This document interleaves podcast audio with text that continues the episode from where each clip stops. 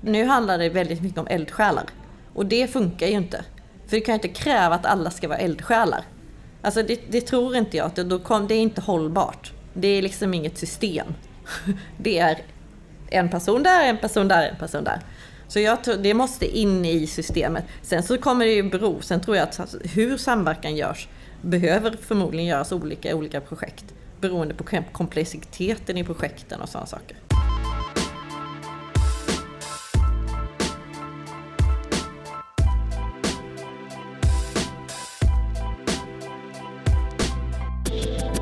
Senast år 2045 ska Sveriges nettoutsläpp av växthusgaser vara noll. Det har fastslagits av regeringen i 2017 års klimatlag. Att nå den högt ställda målsättningen kommer att kräva omfattande systemförändringar i hela samhället och ett stort ansvar vilar på våra axlar i samhällsbyggnadsbranschen. Min nästa gäst är doktorand på Chalmers tekniska högskola och arbetar med att ta fram transformativa utvecklingsvägar för försörjningskedjorna för byggnader och transportinfrastruktur i Sverige inom det storskaliga forskningsprogrammet Mistra Carbon Exit. Låt mig presentera Ida Karlsson.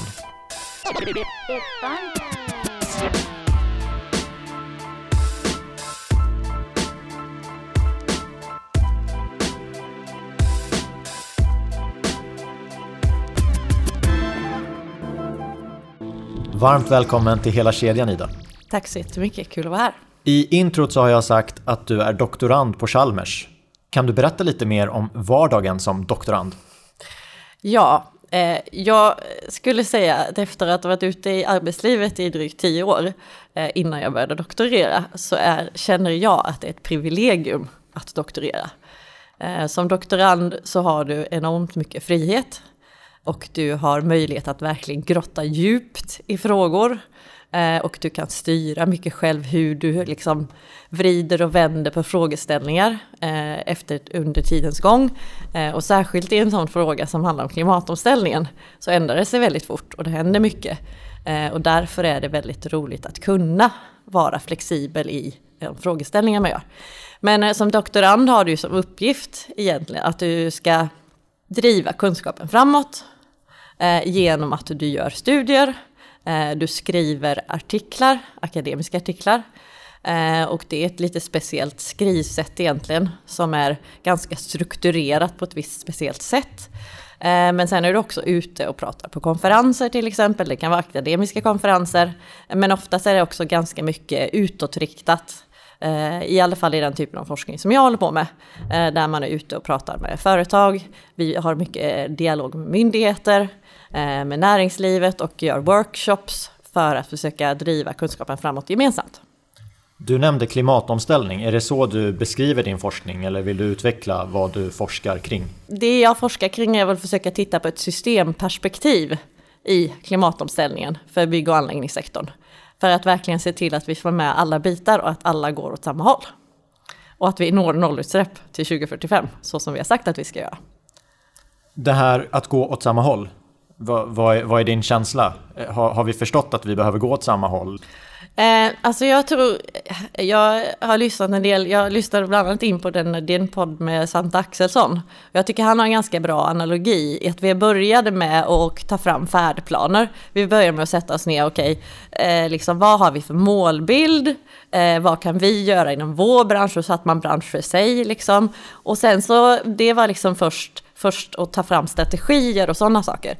Men sen när man väl kommer ner på banan och ska göra det i verkligheten, då börjar man komma ner i de här bitarna att okej, okay, här kanske det blir en målkonflikt, eller här kanske det blir liksom att vi, det som funkar för oss, eller den här branschen, den här verksamheten, kanske inte riktigt funkar för den andra verksamheten och hur kan vi då jobba tillsammans för att överbrygga de hindren som man ser.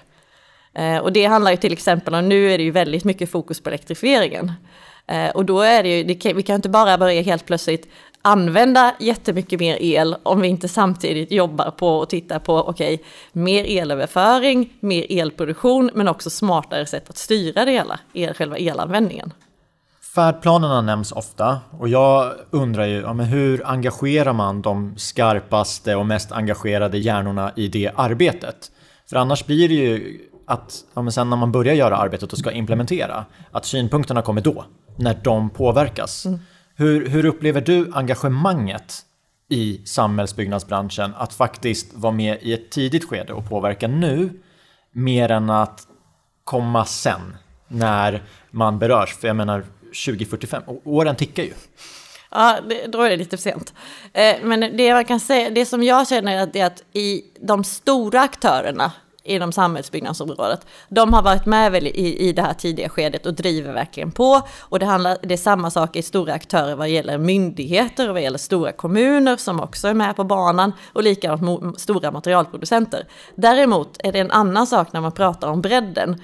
För det, inom samhällsbyggnadsbranschen så är det väldigt mycket små och medelstora företag. Och där finns en resa att göra.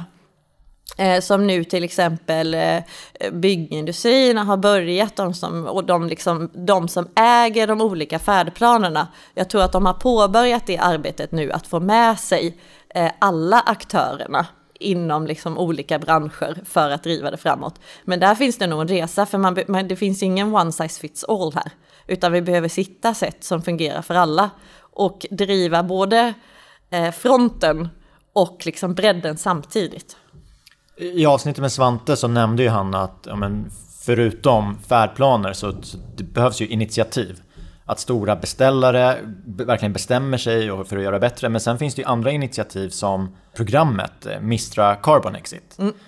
Som du är engagerad i. Så jag tänker om du kan bara ge oss en introduktion till vad, vad är Mistra Carbon Exit för någonting?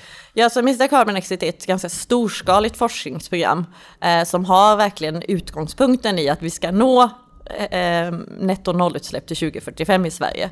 Eh, och då tittar man på, okej, okay, var, var finns det stora utsläpp? Då har man kommit fram till att bestämma sig för att fokusera på tre eh, värdekedjor kallar vi det för. Och det är egentligen liksom att man går hela vägen från att man har ett råmaterial eller eh, till liksom transporter och anläggningsmaskiner är det om man tittar på byggsektorn, men sen till en slutanvändare. Och alla bitar runt omkring. Eh, och då tittar vi både på byggsektorn, anläggningssektorn och eh, transporterna. Och själva fokuset då är ju att titta liksom bredare på ett systemsperspektiv. Och då gör vi det genom att vi är ett multidisciplinärt team. Eh, så vi har en stort team från Chalmers där jag sitter som jobbar mer med tekniska analyser och tittar på potentialer och så. Eh, och även tittar på energisystemet. Eh, och kopplingar däremellan. Eh, men sen har vi också styrmedelsexperter i det hela. Så när vi har gjort våra tekniska analyser och vi har jobbat tillsammans med myndigheter och näringsliv för att liksom hitta hinder, eh, då försöker vi ta in folk som kan titta på möjliggörare i form av olika typer av styrmedel eller policies eller upphandling om det kan vara en bit i det hela. Men sen har vi även forskare som tittar på beteendesidan i det hela.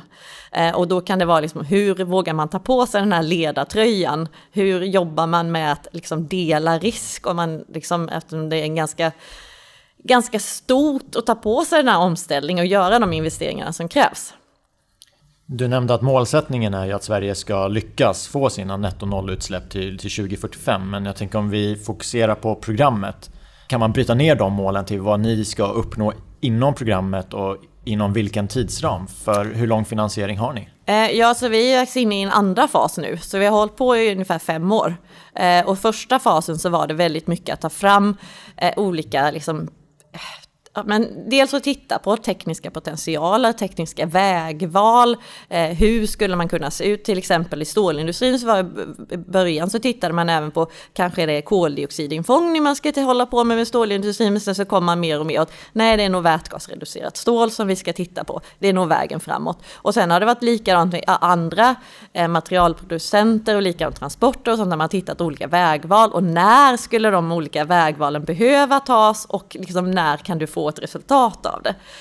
Um, och sen så, så det har varit mycket där att liksom identifiera hinder och barriärer och sen försöka eh, liksom börja starta med möjliggörare. Och nu i andra fasen så är det liksom lite mer fokus mer på implementering. Att börja gå från att prata och liksom se, se till att vi pratar samma språk och har samma målbild och har liksom planer. Och det är mycket det som färdplanerna, liksom, vi har varit involverade i flera färdplaner. Just av det anledningen att det är det som är liksom att man sätter sig och skriver liksom på något sätt utgångspunkten, ramverket. Men nu, ska vi in i, nu är det liksom implementering som gäller. Nu gäller det att saker och ting börjar hända och det gäller att snabba på, men det gäller också att inte glömma var ska vi vara 2045. Du har ju varit med i fem år och nu är det i nästa fas. Och jag inbillar mig att det blir ju svårare för varje fas man kommer till. För man kommer ju närmare implementering och att faktiskt nå målet. Samtidigt så är det ett helt annat mindset i samhället mm. idag jämfört med för fem år sedan. Kan du beskriva skillnader mellan att jobba i programmet idag kontra när du började? Som du säger, det är jättemånga skillnader och det finns liksom, dels så kan man väl säga att tittar vi på den potentialen som vi ser redan idag Eh, Eh, och då kan man säga till exempel när vi bygger hus eller vägar eller järnvägar så ser vi ju när vi tittar på den tekniska potentialen så är inte det barriärerna. Vi kan nå 50% reduktion redan idag med tekniker och angreppssätt som vi redan har tillgängliga. Men det sker inte riktigt i den omfattningen och då är, gäller det liksom att titta på vad är barriärerna där och då handlar det ganska mycket om att vi fortfarande, vi har ändrat mindsetet, men vi, det är många processer och organisationsstrukturer och eh, liksom förhållanden i leverantörskedjan. Där behöver det liksom stöpas om och det tar tid. Nu, nu, stoppade inte jag dig när du sa att vi kan nå 50% med nuvarande mm. teknik. Jag, jag kan tycka att det är anmärkningsvärt att den potentialen finns men jag upplever i så fall att den inte nyttjas fullt ut. Nej, det gör den inte. Och det har, det har, som jag sa, det har liksom dels med det här med processer och man måste tänka annorlunda, man måste göra annorlunda och det att vänja sig vid det, det tar tid. Och dessutom så gäller det, det hjälper inte att det bara är en aktör som gör annorlunda. Eftersom att alla i samhällsbyggnadssektorn är beroende av varandra så måste alla gå samma resa samtidigt för att vi ska nå dem. För de 50 procent reduktionspotentialen, det är om alla gör liksom dra sitt strå till stacken. Så att arkitekten och den som designar tar in sådana parametrar i det hela. Sen kommer konstruktören och gör det konstruktören kan göra bäst, att slimma konstruktioner och så här. Sen så jobbar du med materialleverantörerna, väljer bästa material med så hög återvinningsgrad som möjligt, återbruka det du kan, du försöker titta på olika typer av, när det gäller betong, olika typer av betongrecept, rätt material på rätt plats, rätt betong på rätt plats och sen så går det in liksom, så varje liten del behöver skruvas på. Och det handlar om att skruva på logistikkedjorna, på transporterna, välja rätt bränsle, välja rätt maskin för rätt, eh, liksom, rätt sak eller rätt äh, aktivitet. Um, och när vi får hela kedjan att fungera, då kan vi nå 50% minst skulle jag säga. Och det finns exempel där det har gjorts. Men då handlar det också om att då har man möjliggjort genom att ändra på styrningen på projekten.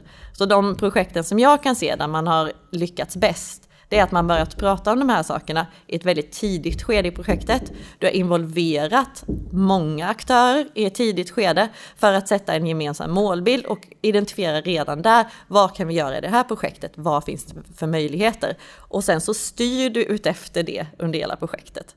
Och då handlar det om att liksom, vi måste komma ifrån det här att bara styra på tid och kostnad främst, vilket är det vi styr på idag, utan få in klimatparametrarna. Eh, och det handlar också om att ge incitament längs med hela värdekedjan. Eh, för då eh, kommer vi faktiskt att få upp det på bordet hela tiden. Finns ett incitament med, då, då är det liksom närvarande hela tiden. Och vi ska beröra alla de där delarna, men om vi börjar med när du säger att vi kan sänka klimatavtrycket med 50 procent. Då tänker jag att ja, men då är det ju lite data, att vi måste veta, bygger vi det så här, då blir det det här klimatavtrycket, bygger vi så här blir det det här klimatavtrycket. Mm. Och jag antar att en del i det underlaget är klimatkalkyler. Mm.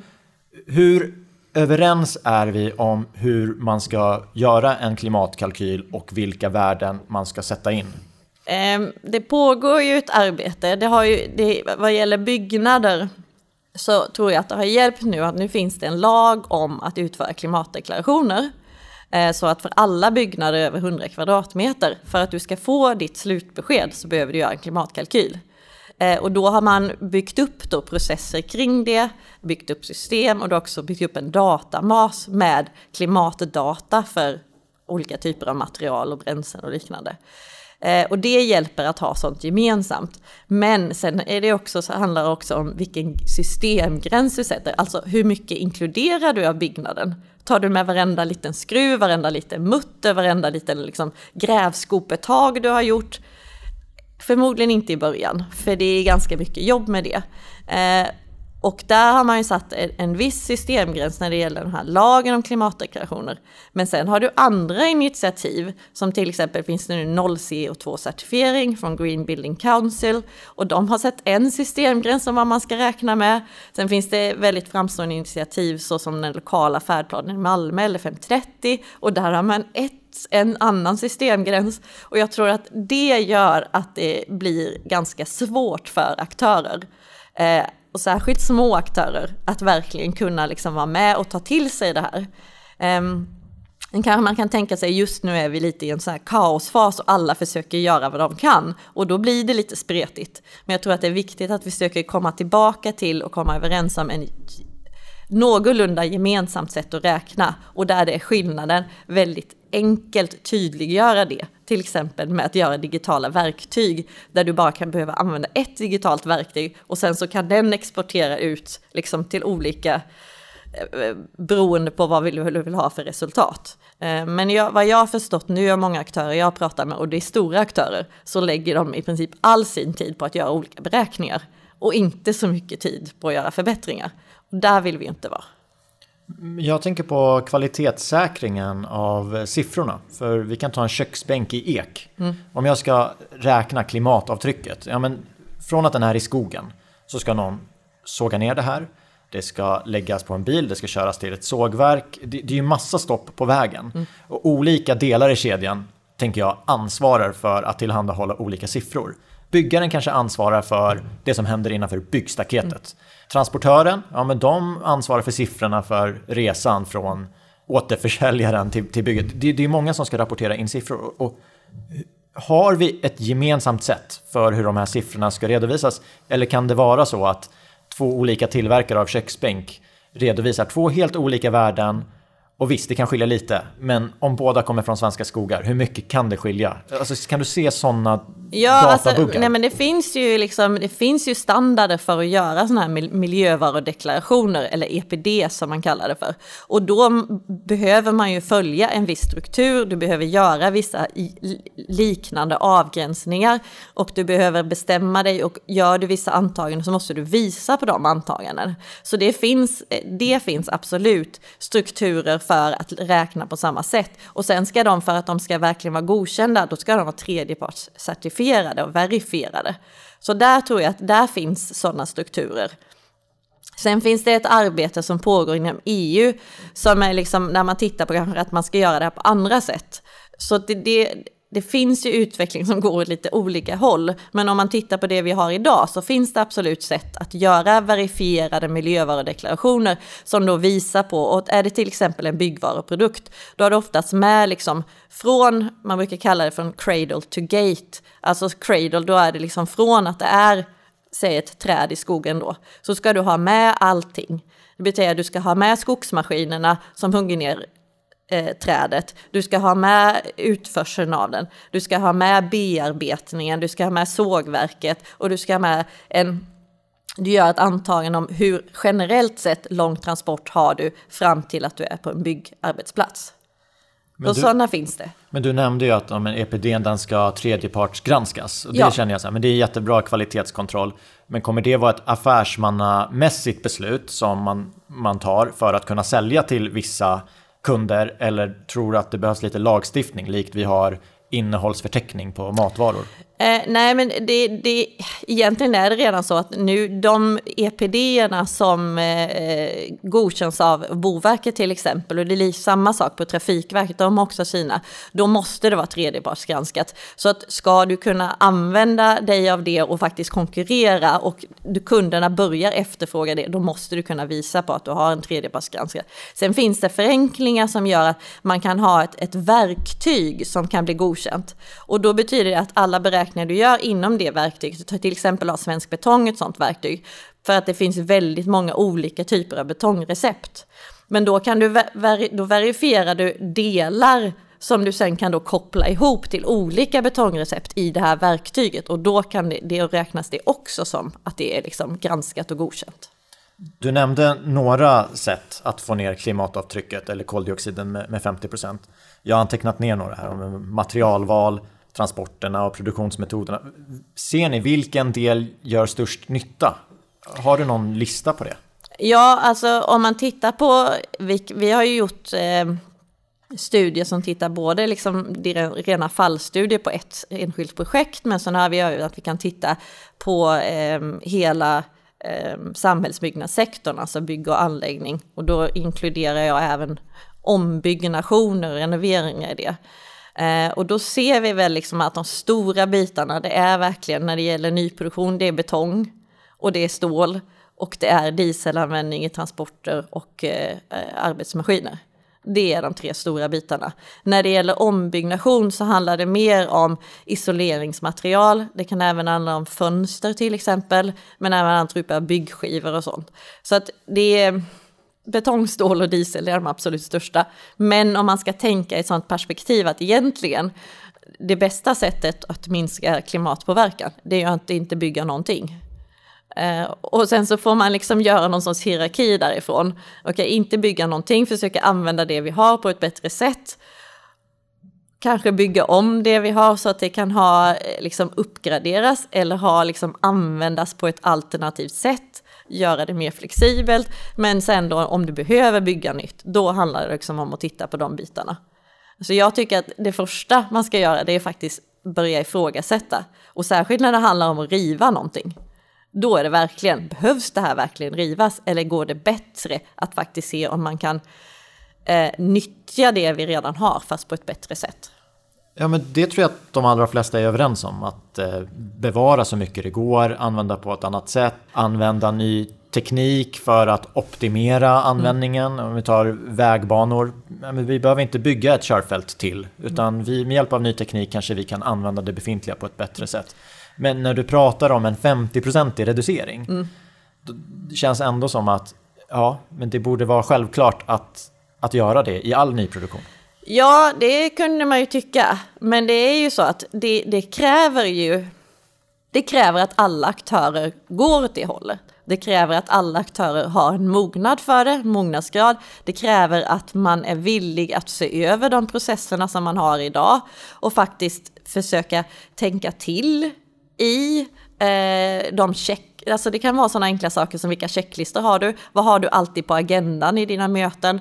Eh, vad, liksom, vad styr du ut efter? Och då handlar det om styrning på ett projektnivå, men det handlar också om styrning i, i form av vad ger du för incitament till dina egna medarbetare att jobba med de här bitarna? Så att det inte hamnar någonting, alltså vi kan, nu är det lite så att klimat ligger på sidlinjen ibland. Alltså det är någonting som man tar med om man hinner, om man liksom har lite extra resurser eller så. Men det måste ju komma in och vara en central bit i det hela redan från början av projekten. Och då handlar det liksom, då behöver vi jobba med sådana bitar som upphandling. Vi behöver öka kompetensen hos upphandlare, eh, hos inköpare. Och vi behöver eh, se till att de att upphandla har de verktygen de kan behöva. Och det finns ju mycket gjort, men jag tror att det är också en annan problematik som jag ser.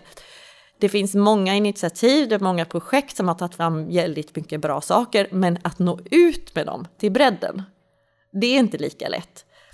Um, Svensk allmännytta har till exempel tagit fram en jättebra vägledning som de kallar för klimatkrav till rimlig kostnad.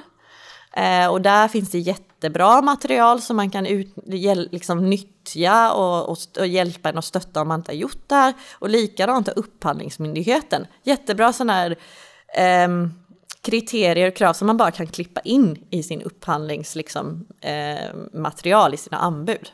Men varför blir det så? För att eh, nu är du inne på det, att det finns de här spjutspetsprojekten. Mm. Att i det här projektet, då är vi nästan klimatneutrala. Och så kan samma företag bygga ett hus på andra sidan gatan som inte alls har det. Vad, vad beror det på? För du och jag, vi förpratade lite. Och, mm. För det är väl bättre att göra lite i tusentals projekt än att göra väldigt mycket i ett fåtal? Jo, det har ju lite blivit så att man kan få ganska mycket sådana här eh, forsknings och utvecklingspengar till exempel från olika eh, SBU, Svenska Svenska byggtjänstutvecklingsfond tror jag. Eh, eller liknande Vinnova-projekt. Och då kan man liksom, då blir det ofta så att man, att man lägger in extra pengar och likadant har man egna forsknings och utvecklingspengar. Och då lägger man dem väldigt mycket mot vissa specifika projekt. Och sen så är det också så att har man ett liksom verkligen profilerat projekt så får man ganska mycket media för det. Att man har gjort det här och man kan visa upp det och man liksom får mycket cred. Men om du säger istället att okej, okay, eh, nu ska vi använda klimatförbättrad betong i alla våra projekt. Då kanske man inte får lika mycket liksom, eh, tillbaka på det, alltså man inte får inte lika mycket eh, media är inte riktigt lika intresserade. Men egentligen så är det ju så att det du gör, alltså jag tror att man måste, på ett sätt, man måste, man, okay, man måste göra både och. Du måste dels jobba med spjutspetsprojekten, du måste lära nytt, testa nytt och visa att det funkar. För det kan få att du får efterföljare och du kan få med dig fler och du kan göra det mer till standard. Men samtidigt så behöver vi titta på bredden och göra det som alla kan göra redan idag. Och det är liksom, då kan det vara små steg.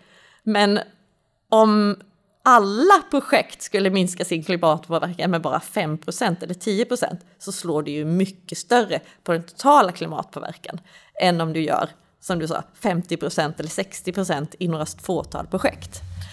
Men medierapporteringen, det, jag är helt övertygad om att det, att det påverkar. Att man hellre lyfter fram ett projekt där man gör allting.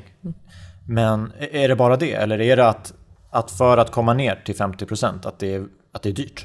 Det är inte säkert att det behöver vara dyrare. Jag tror att det mer handlar om så här att första gången som man gör någonting annorlunda, då kanske det blir lite dyrare. Det kanske tar något längre tid för att alla vill ändå säkerställa att du gör en bra produkt. Och då kanske du vill göra en extra verifiering. Du kanske vill känna dig bekväm med det. Du kanske behöver ha fler sittningar där du sitter alla gemensamt och, och liksom säger att det här funkar, det här är okej. Okay. Och då kan det ju vara så att det faktiskt tar något längre tid. Ja, det, det finns ju liksom de projekten man har kunnat visa på att, liksom, hur, hur väl det lyckas om man jobbar genom hela kedjan. Eh, så jag tror att det, är ett, det, det, det kan, det är liksom som med all omställning, all förändring när du ska göra någonting lite annorlunda, så blir det en, en ett, det tar ett litet tag innan du är vant dig, innan du har liksom kalibrerat alla processer för att det här ska funka. Och då kanske det blir så att de första projekten kanske blir något dyrare. Men när du väl har inarbetat nya processer, nya arbetssätt, då är det inte alls säkert att det behöver kosta mer. Förmodligen inte. För att om du jobbar med sådana saker som till exempel materialeffektivisering, att slimma konstruktioner, då, då minskar du ju materialmängden. Och jobbar du med sådana saker som avfallsminimering till exempel, då minskar du ju också kostnader. Så mycket där, och det är liksom transportoptimering, optimering av hur du använder dina maskiner på byggarbetsplatsen. Alla de bitarna blir ju faktiskt en kostnadsminskning eh, i slutändan. Det är lite igenkänningsfaktor på det där. Jag jobbade rätt många år på ett entreprenadbolag som bestämde sig för att Svanen certifiera alla bostäder som de byggde. Och där i början så var det en himla massa jobb för det fanns ju ingen databas så man var tvungen att få typgodkännande på alla material och det är klart att det tog tid. Mm. Sen med tiden så byggde man ju en egen databas på bolaget men det var ju först när Svanen införde en nationell databas. Det vart ju mycket lättare och mycket mindre tid men det var ju några jobbiga år. Sen idag, du, du kan ju knappt bygga en bostad utan någon, någon form av certifiering. Mm. Det, det, accepteras ju inte av, eh, av marknaden. Nej. Så lite igenkänningfaktor känner jag i det du säger att man måste, man måste börja. Mm. Ja, så är det, man måste börja och då kan det ta lite tid och man kanske får testa då i några projekt först och se, okej, okay, om det här arbetssättet, de här processerna som vi tänker oss liksom ska hjälpa oss, funkar de eller funkar de inte eller behöver vi liksom jobba lite extra på det? Och då, då kanske det blir att det får ta lite tid och sen kan man våga ta det här steget eh, att verkligen säga att nu ska vi göra det i alla projekt. Så till exempel har ju NCC gått ut nu och sagt att nu har vi jobbat in i våra processer så att vi ska kunna säkerställa att vi kan använda klimatförbättrad betong i alla husbyggnadsprojekt. Men då har de in, inte bara att de gått ut och säger att nu ska vi bara köpa det, utan då får de arbeta in det i sina arbetssätt så att det ska funka också. Men låt oss bli lite mer konkreta. Ja. Eh, du och din grupp, ni kollade ju på ett vägbygge. Och det är också där som ni har kommit fram att med befintlig teknik så kan man reducera klimatavtrycket med, med 50%. Kan du berätta om det här vägbygget och vilka var de största delarna ni, ni hittade och vad, vad ska man göra istället? För det är så lätt att säga det krävs incitament i flera delar av kedjan eller upphandlingsformen. Hur? Vad, vad ska man tänka på? Börja där du vill ja. och så tar vi det del för del. Japp. Eh, ja, precis. Så vi har gjort, tittat på sådana eh, projekt, både på ett vägbygge och eh, på eh, byg, eh, husbyggnad. Eh, och tittat en del också på, på järnväg. Eh, och det vägbygget var ganska intressant för det var ett av de första projekten i Sverige eh, som Trafikverket hade kr satte krav på att man skulle göra ett klimatkalkyl. så det var ett ganska tidigt projekt. Eh, och då började man med, man med att, man försöka kartlägga egentligen, vad är det vi ska bygga? Vad, vad, vad, vad kräver det? Liksom, vad många rondeller, hur många broar är det, hur kan de se ut? Eh, och så kopplade man ihop det med olika typer, för Trafikverket har tagit fram e, en egen klimatkalkylverktyg med schabloner för olika åtgärder.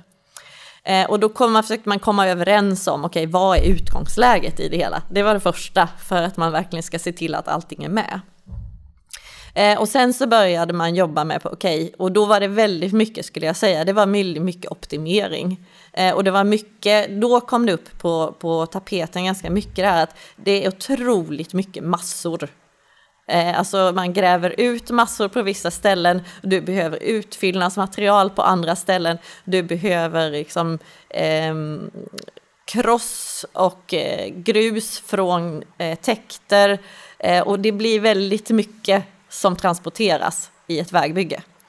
Eh, och då handlar det väldigt mycket om att försöka se hur kan man på bästa sätt Eh, Eh, använda de massorna inom projektet om möjligt och om det inte går kan man försöka koppla ihop det med andra projekt eh, som är närliggande så att man inte liksom, så att man nyttjar de här massorna.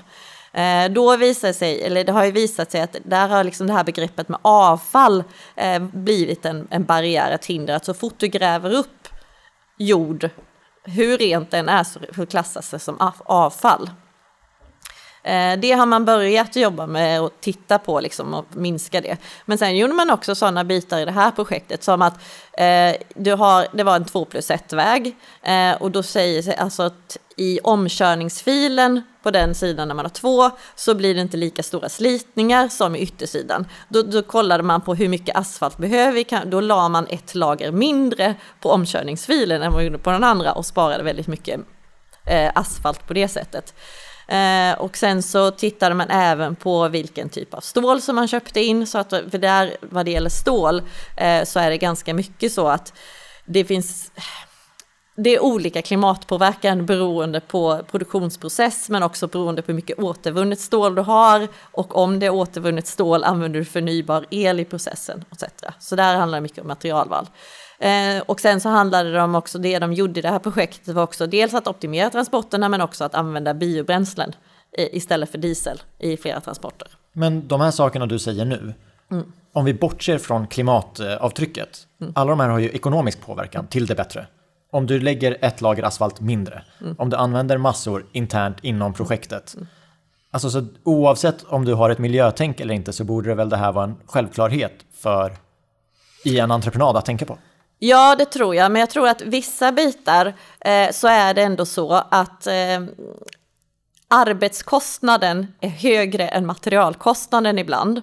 I alla fall som jag sa innan, innan du har inarbetade processer. Och det gör att eh, vi, material har varit så billigt att det har inte, man har liksom inte riktigt behövt tidigare att lägga så mycket fokus på att optimera och materialeffektivisera och tänka resurseffektivitet. Har varit billigt, mm. är det inte det fortfarande? Nej, nu, det har ju hänt mycket i världen sista året, det kan vi väl alla vara överens om. Um, och jag tror att alltså den krisen, eller det, det är ju ett fruktansvärt krig som pågår, men den har ju samtidigt fått oss att få upp ögonen för både energifrågan men också resursfrågan i stort. Eh, att materialpriserna, byggmaterialpriserna har liksom skenat och, eller, och bara liksom, det går hit och dit, upp och ner. Jag tror att det kan faktiskt vara så att vi får lite vänja oss vid det. Det är inte så att vi alltid kommer att kunna veta exakt att nu har vi de här materialpriserna, de kommer fortsätta så här i fem år. Eller att vi kan se att de liksom går med index. Utan det, vi kommer ha fler störningar framåt, också beroende på klimatförändringarna. Eh, men också störningar för att vi ändrar om energisystemet, vilket gör att vi får mycket mer variabel elproduktion och mycket mer variabla elpriser generellt. Och då ett sätt att verkligen eh, anamma de förändringarna och anamma liksom det nya, det är ju att försöka att tänka smart och göra smart. Och då handlar det om att eh, vara så effektiv du kan med de, den materialen och den energin som vi har i systemet. Ja, men jag kan förstå att det ibland kanske inte på första raden är lönsamt att hålla på och transportera om schaktmassor och utfyllat massor kontra att ja, men få det direkt till rätt plats. Men att lägga ett lager asfalt mindre, jag, jag kan inte i mitt huvud få ihop hur det inte kan vara en ekonomisk vinning. Men då är frågan, okej, okay, vem, vem ska komma på det? Är det Trafikverket då som ska räkna och säga vi behöver bara ett lager? För om entreprenören får påslag på sina kostnader så är det ju bättre för dem att lägga det lagret med asfalt och få ett påslag. Jag tror att det handlar om att vi behöver göra det i samverkan helt enkelt. Men alla och, säger så, nu ja, får du utveckla mer ja, men Jag konkret. tror att, eh, alltså dels så tror jag att det kommer bli så. Nu, nu är jag med i ett projekt som kallas för klimatneutrala anläggningsprojekt. Och det är egentligen där vi försöker titta på vägen dit, vägen till noll. Och försöka göra mer generiska recept för vad kan man göra redan nu, vad tror vi att man kan göra till 2025 och så här. För att ge aktörerna, både Trafikverket och entreprenören och materialleverantören och någon sorts så här eh, mer detaljerad bild av vad behöver vi jobba emot och se till att vi jobbar mot samma sak.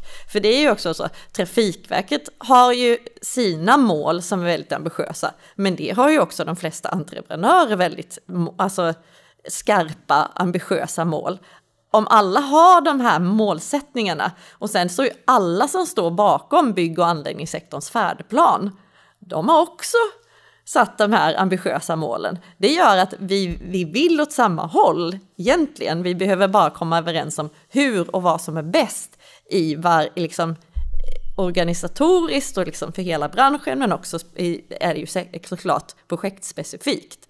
Och det här med asfalten, det beror ju också på hur, hur trafikerad är den här vägen. Det kanske inte är bättre att lägga mindre asfalt så att du sen får liksom göra mer underhåll efter bara några år. Så man får ju verkligen försöka se fall till fall men att jobba in arbetssätt och processer som gör att det möjliggörs. Och då handlar det ju om att se till att man verkligen ger tid och skapar engagemang och samverkan för att prata, de här, eh, att prata om det här.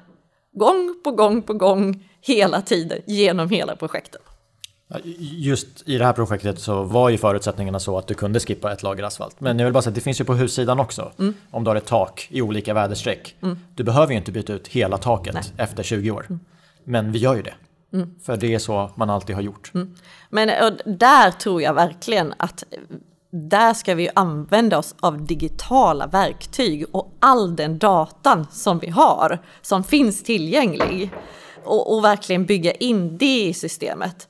För då, där, alltså det finns en sorts liksom, eh, likhetstecken mellan digitalisering och resurseffektivisering.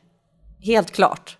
Eh, den kan hjälpa oss jättemycket. Och likadant det här med att försöka få in återbruk att bygga upp system för att när du behöver göra en ombyggnation eller när du behöver riva en byggnad av någon anledning så ska du se till att liksom du gör en kategorisering, du kartlägger vilket material har du eh, och sen så liksom få upp en bank av olika material som du sen kan liksom skicka vidare till projekt. Och det finns även så här, vi pratar om med kommuner, att kommuner behöver visa i sina detaljplaner och liksom med femårigt, tioårigt perspektiv, vilka fastigheter kommer att rivas eller kommer att göra större ombyggnationer på? Så att man vet redan var kommer dina materialbanker finnas någonstans? Så att du faktiskt kan tänka det redan i designskedet på nästa byggnad eller andra byggnader som ska byggas. Då ska det redan in i det tänket.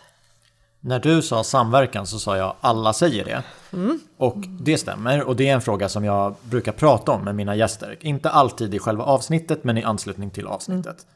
Jag får ju ganska många olika svar på vad samverkan är för dem. Mm. Och egentligen så ställer jag ju frågan fel. Vad är samverkan för dig? För det finns ju en definition av vad samverkan ska vara i branschen. Så det är väl lite på mig. Men, men jag får ju olika svar.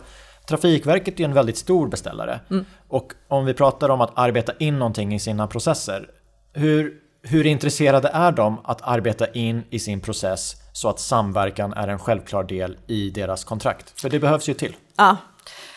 Um, jag tror att det är så här att Trafikverket vill väldigt mycket. Uh, men de har en ganska decentraliserad organisation. Eh, och det gör att det går liksom inte, det är väldigt svårt att toppstyra och bara säga att nu ska alla göra så här. Utan det bygger på att man eh, har liksom, bygger upp en sorts jag skulle säga att man bygger upp en stolthet och en vilja hos organisationer mer decentraliserat att verkligen vilja jobba med mer i samverkan och se fördelarna med att göra det. Ehm, så det finns ett arbete att göra där, för jag tror att jag, när jag pratar med olika delar hos Trafikverket så finns det liksom olika Ehm, eh, engagemang i de här frågorna. Men det händer saker och det händer mycket, men jag tror att man behöver se till att få ut det i alla grenar i sin organisation och försöka verkligen lyfta fördelar med det och, och, och jobba på ett sätt som är liksom proaktivt och positivt i det hela. Eh, så det finns ju många bra exempel där man har lyckats, men sen finns det också dåliga exempel där det har varit svårt med samverkan. Och då kanske det är så här att man behöver tänka igenom redan i tidigt skede och sätta sig ner och hur vill vi samarbeta? Hur vill vi att det ska fungera? Och, och bygga gemensamma, nu säger jag det här med incitament igen, men det kan handla till exempel om att man försöker hitta sätt att dela risk om man gör någonting nytt, att använda sig av olika typer av innovationsupphandlingar där det är möjligt. Det finns beställarnätverk som man kan an använda sig av. Det finns ju liksom att man kan ju använda både att ställa krav men du kan också ge bonusar, vilket Trafikverket gör och de kan liksom ökas. Alltså det finns ju olika sätt att jobba på för att man ska se till att ju mer vi jobbar tillsammans, desto mer tjänar vi båda två på det. Att skapa win-win situationer. Eh, och jag tror egentligen, jag tror mycket på att försöka tänka till i, kan vi använda andra typer av eh, upphandlingsformer? Det finns, eh, Skellefteå kommun till exempel har jobbat ganska mycket nu med sådana här partnering. Där man eh, i princip gör så att man delar risken men man delar också liksom kostnader, man delar också eh, vinsterna om man är så att man liksom eh, sänker kostnaderna i det hela. Eh, och man jobbar tillsammans från ett tidigt skede genom hela projektet. Eh, jag tror att sådana eh, upphandlingsformer stöttar i det här. När man gör det på rätt sätt för rätt projekt. Liksom. När vi är inne på upphandlingar, vi hade Per-Erik Eriksson som gäst. Han mm. forskar på KTH och, så, och, då pratade vi just om här med partnering. För det blir oftast ett lika med tecken mellan partnering och löpande räkning.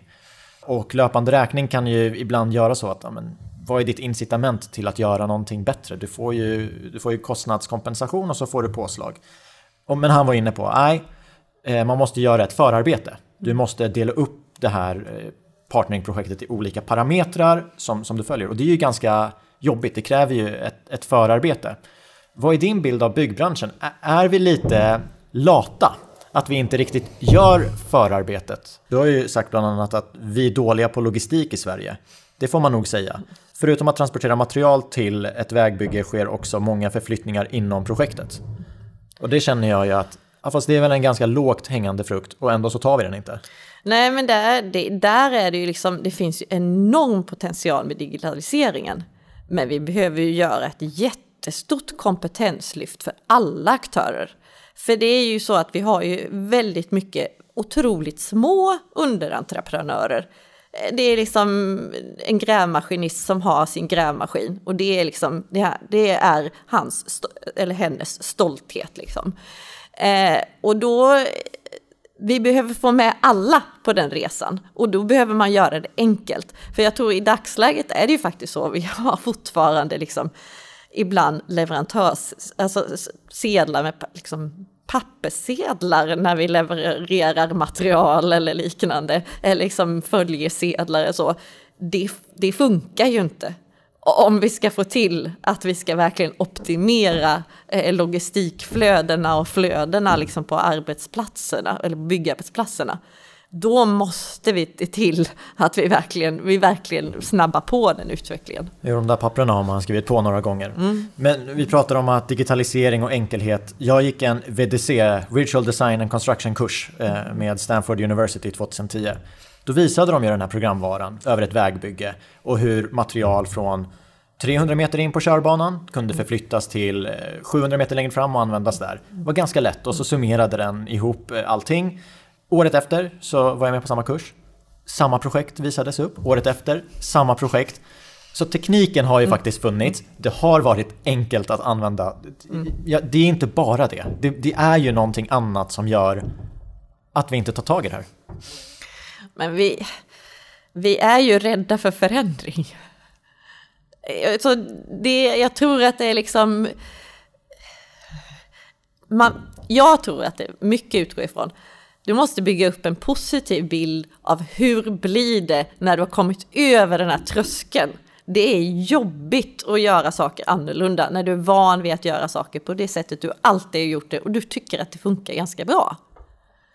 Vad behöver ske? För det måste ju till en förändring. Eller mm. att Trafikverket och andra beställare ska bli mycket hårdare i sina krav och uppföljning?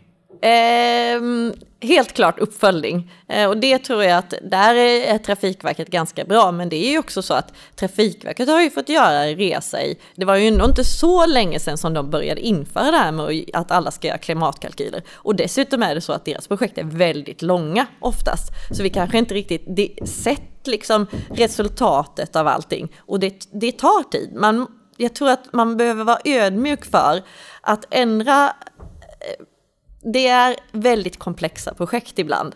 Det är väldigt många människor, väldigt många aktörer involverade.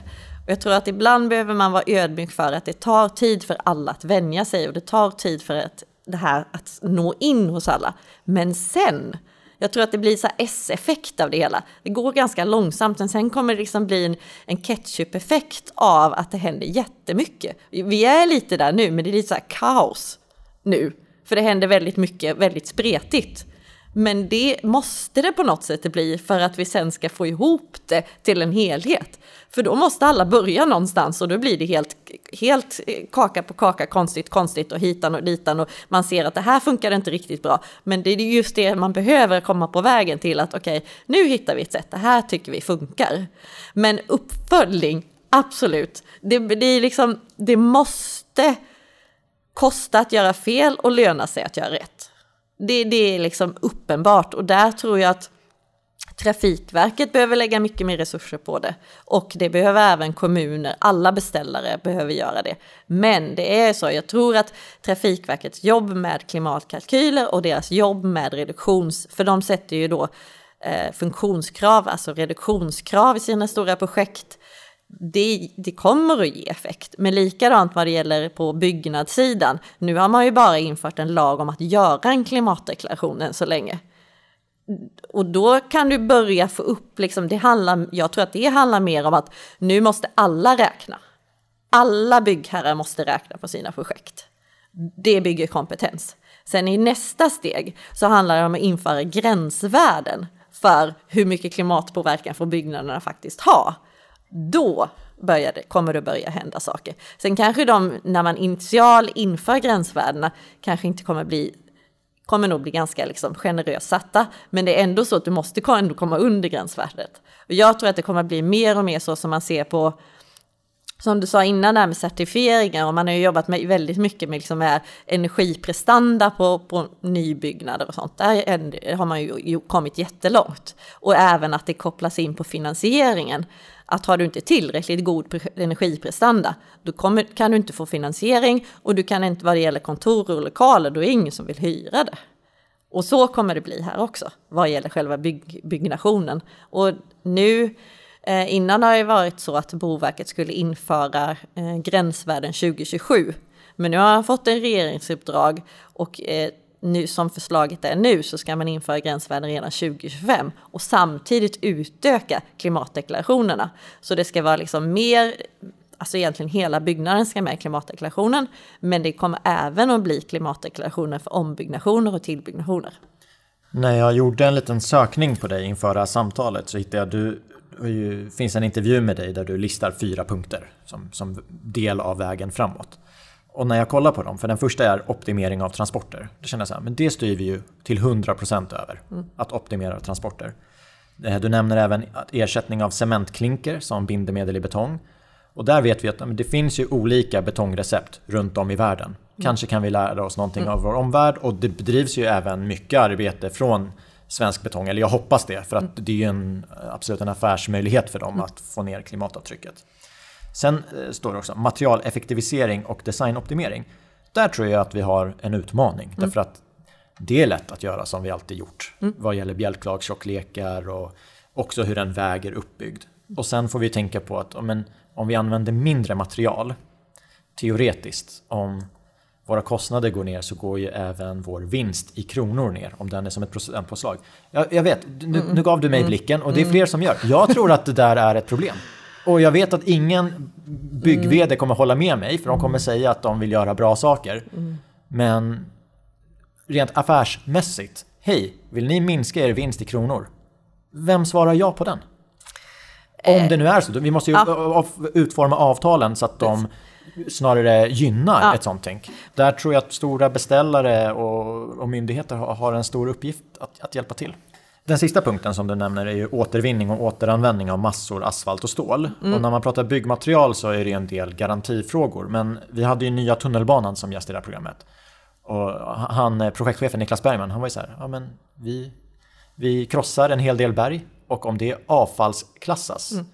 liksom det, det dödar ju en hel affär i mm. projektet. Mm. Det var, vi intervjuade honom för två år sedan. Alltså vad, vad har hänt på de här två åren? Ja men det har ju varit en, en översyn av just, just den biten vad gäller massor. Eh, och jag, vad jag förstår det som så har man lättat upp klassificeringarna något och möjliggjort, möjliggjort eh, liksom, eh, möjlighet för överföring. Eh, men sen behöver man ju bygga upp liksom en marknad för massor, vilket håller på att byggas upp för att man ska kunna liksom överföra. Och det handlar om till exempel Eh, att sådana möjliggörare som att se till att det finns lagringsplatser. För alltså när det gäller krossad krossat sten och grus och liksom olika typer av massor så tar ju det stor, det står ju så stor plats. Och där kan kommuner till exempel göra en stor, eh, en, erbjuda det som en tjänst att tillhandahålla sådana mellanlagringsplatser för när ska, massor ska gå från ett projekt till ett annat till exempel. Utöver de här fyra punkterna som eh, vi har varit inne på så har du också nämnt biomassan som en knäckfråga. Du får gärna utveckla. Ja, eh, det är någonting som, som faktiskt har identifierats när man gjorde färdplanen. Det har gjorts 22 olika färdplaner i olika branscher.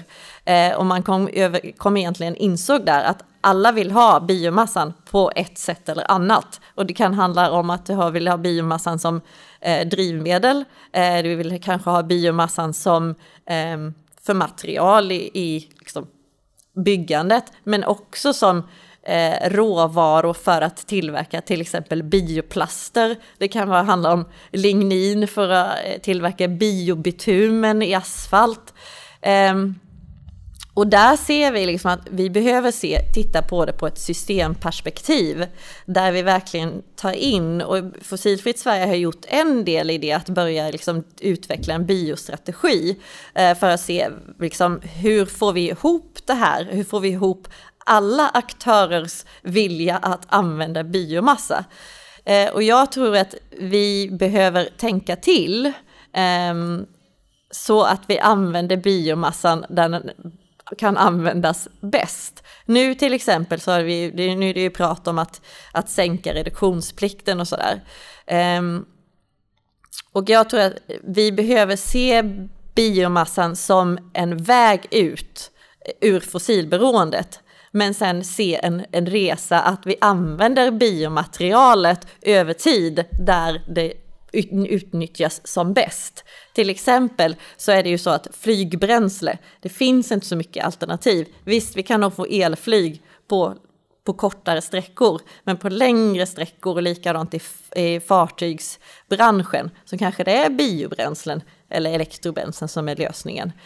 Men för de industrier som idag, till exempel skogsindustrin som använder mycket restprodukter, det kan bli att det är så pass nyttiga produkter eller restprodukter så att de har i sig en sån liksom högt värde att det är svårt att faktiskt nyttja den för att bränna i fjärrvärmeverk eller för att bränna i sin egen, liksom, för sin egen uppvärmning. Så vi behöver tänka till i hur vi använder biomassan och se var använder vi den bäst och se till att använder du mycket biomassa, var då förberedd på att, att det, den betalningsviljan du har för den, den kommer nog behöva öka för att du ska få behålla din biomassa.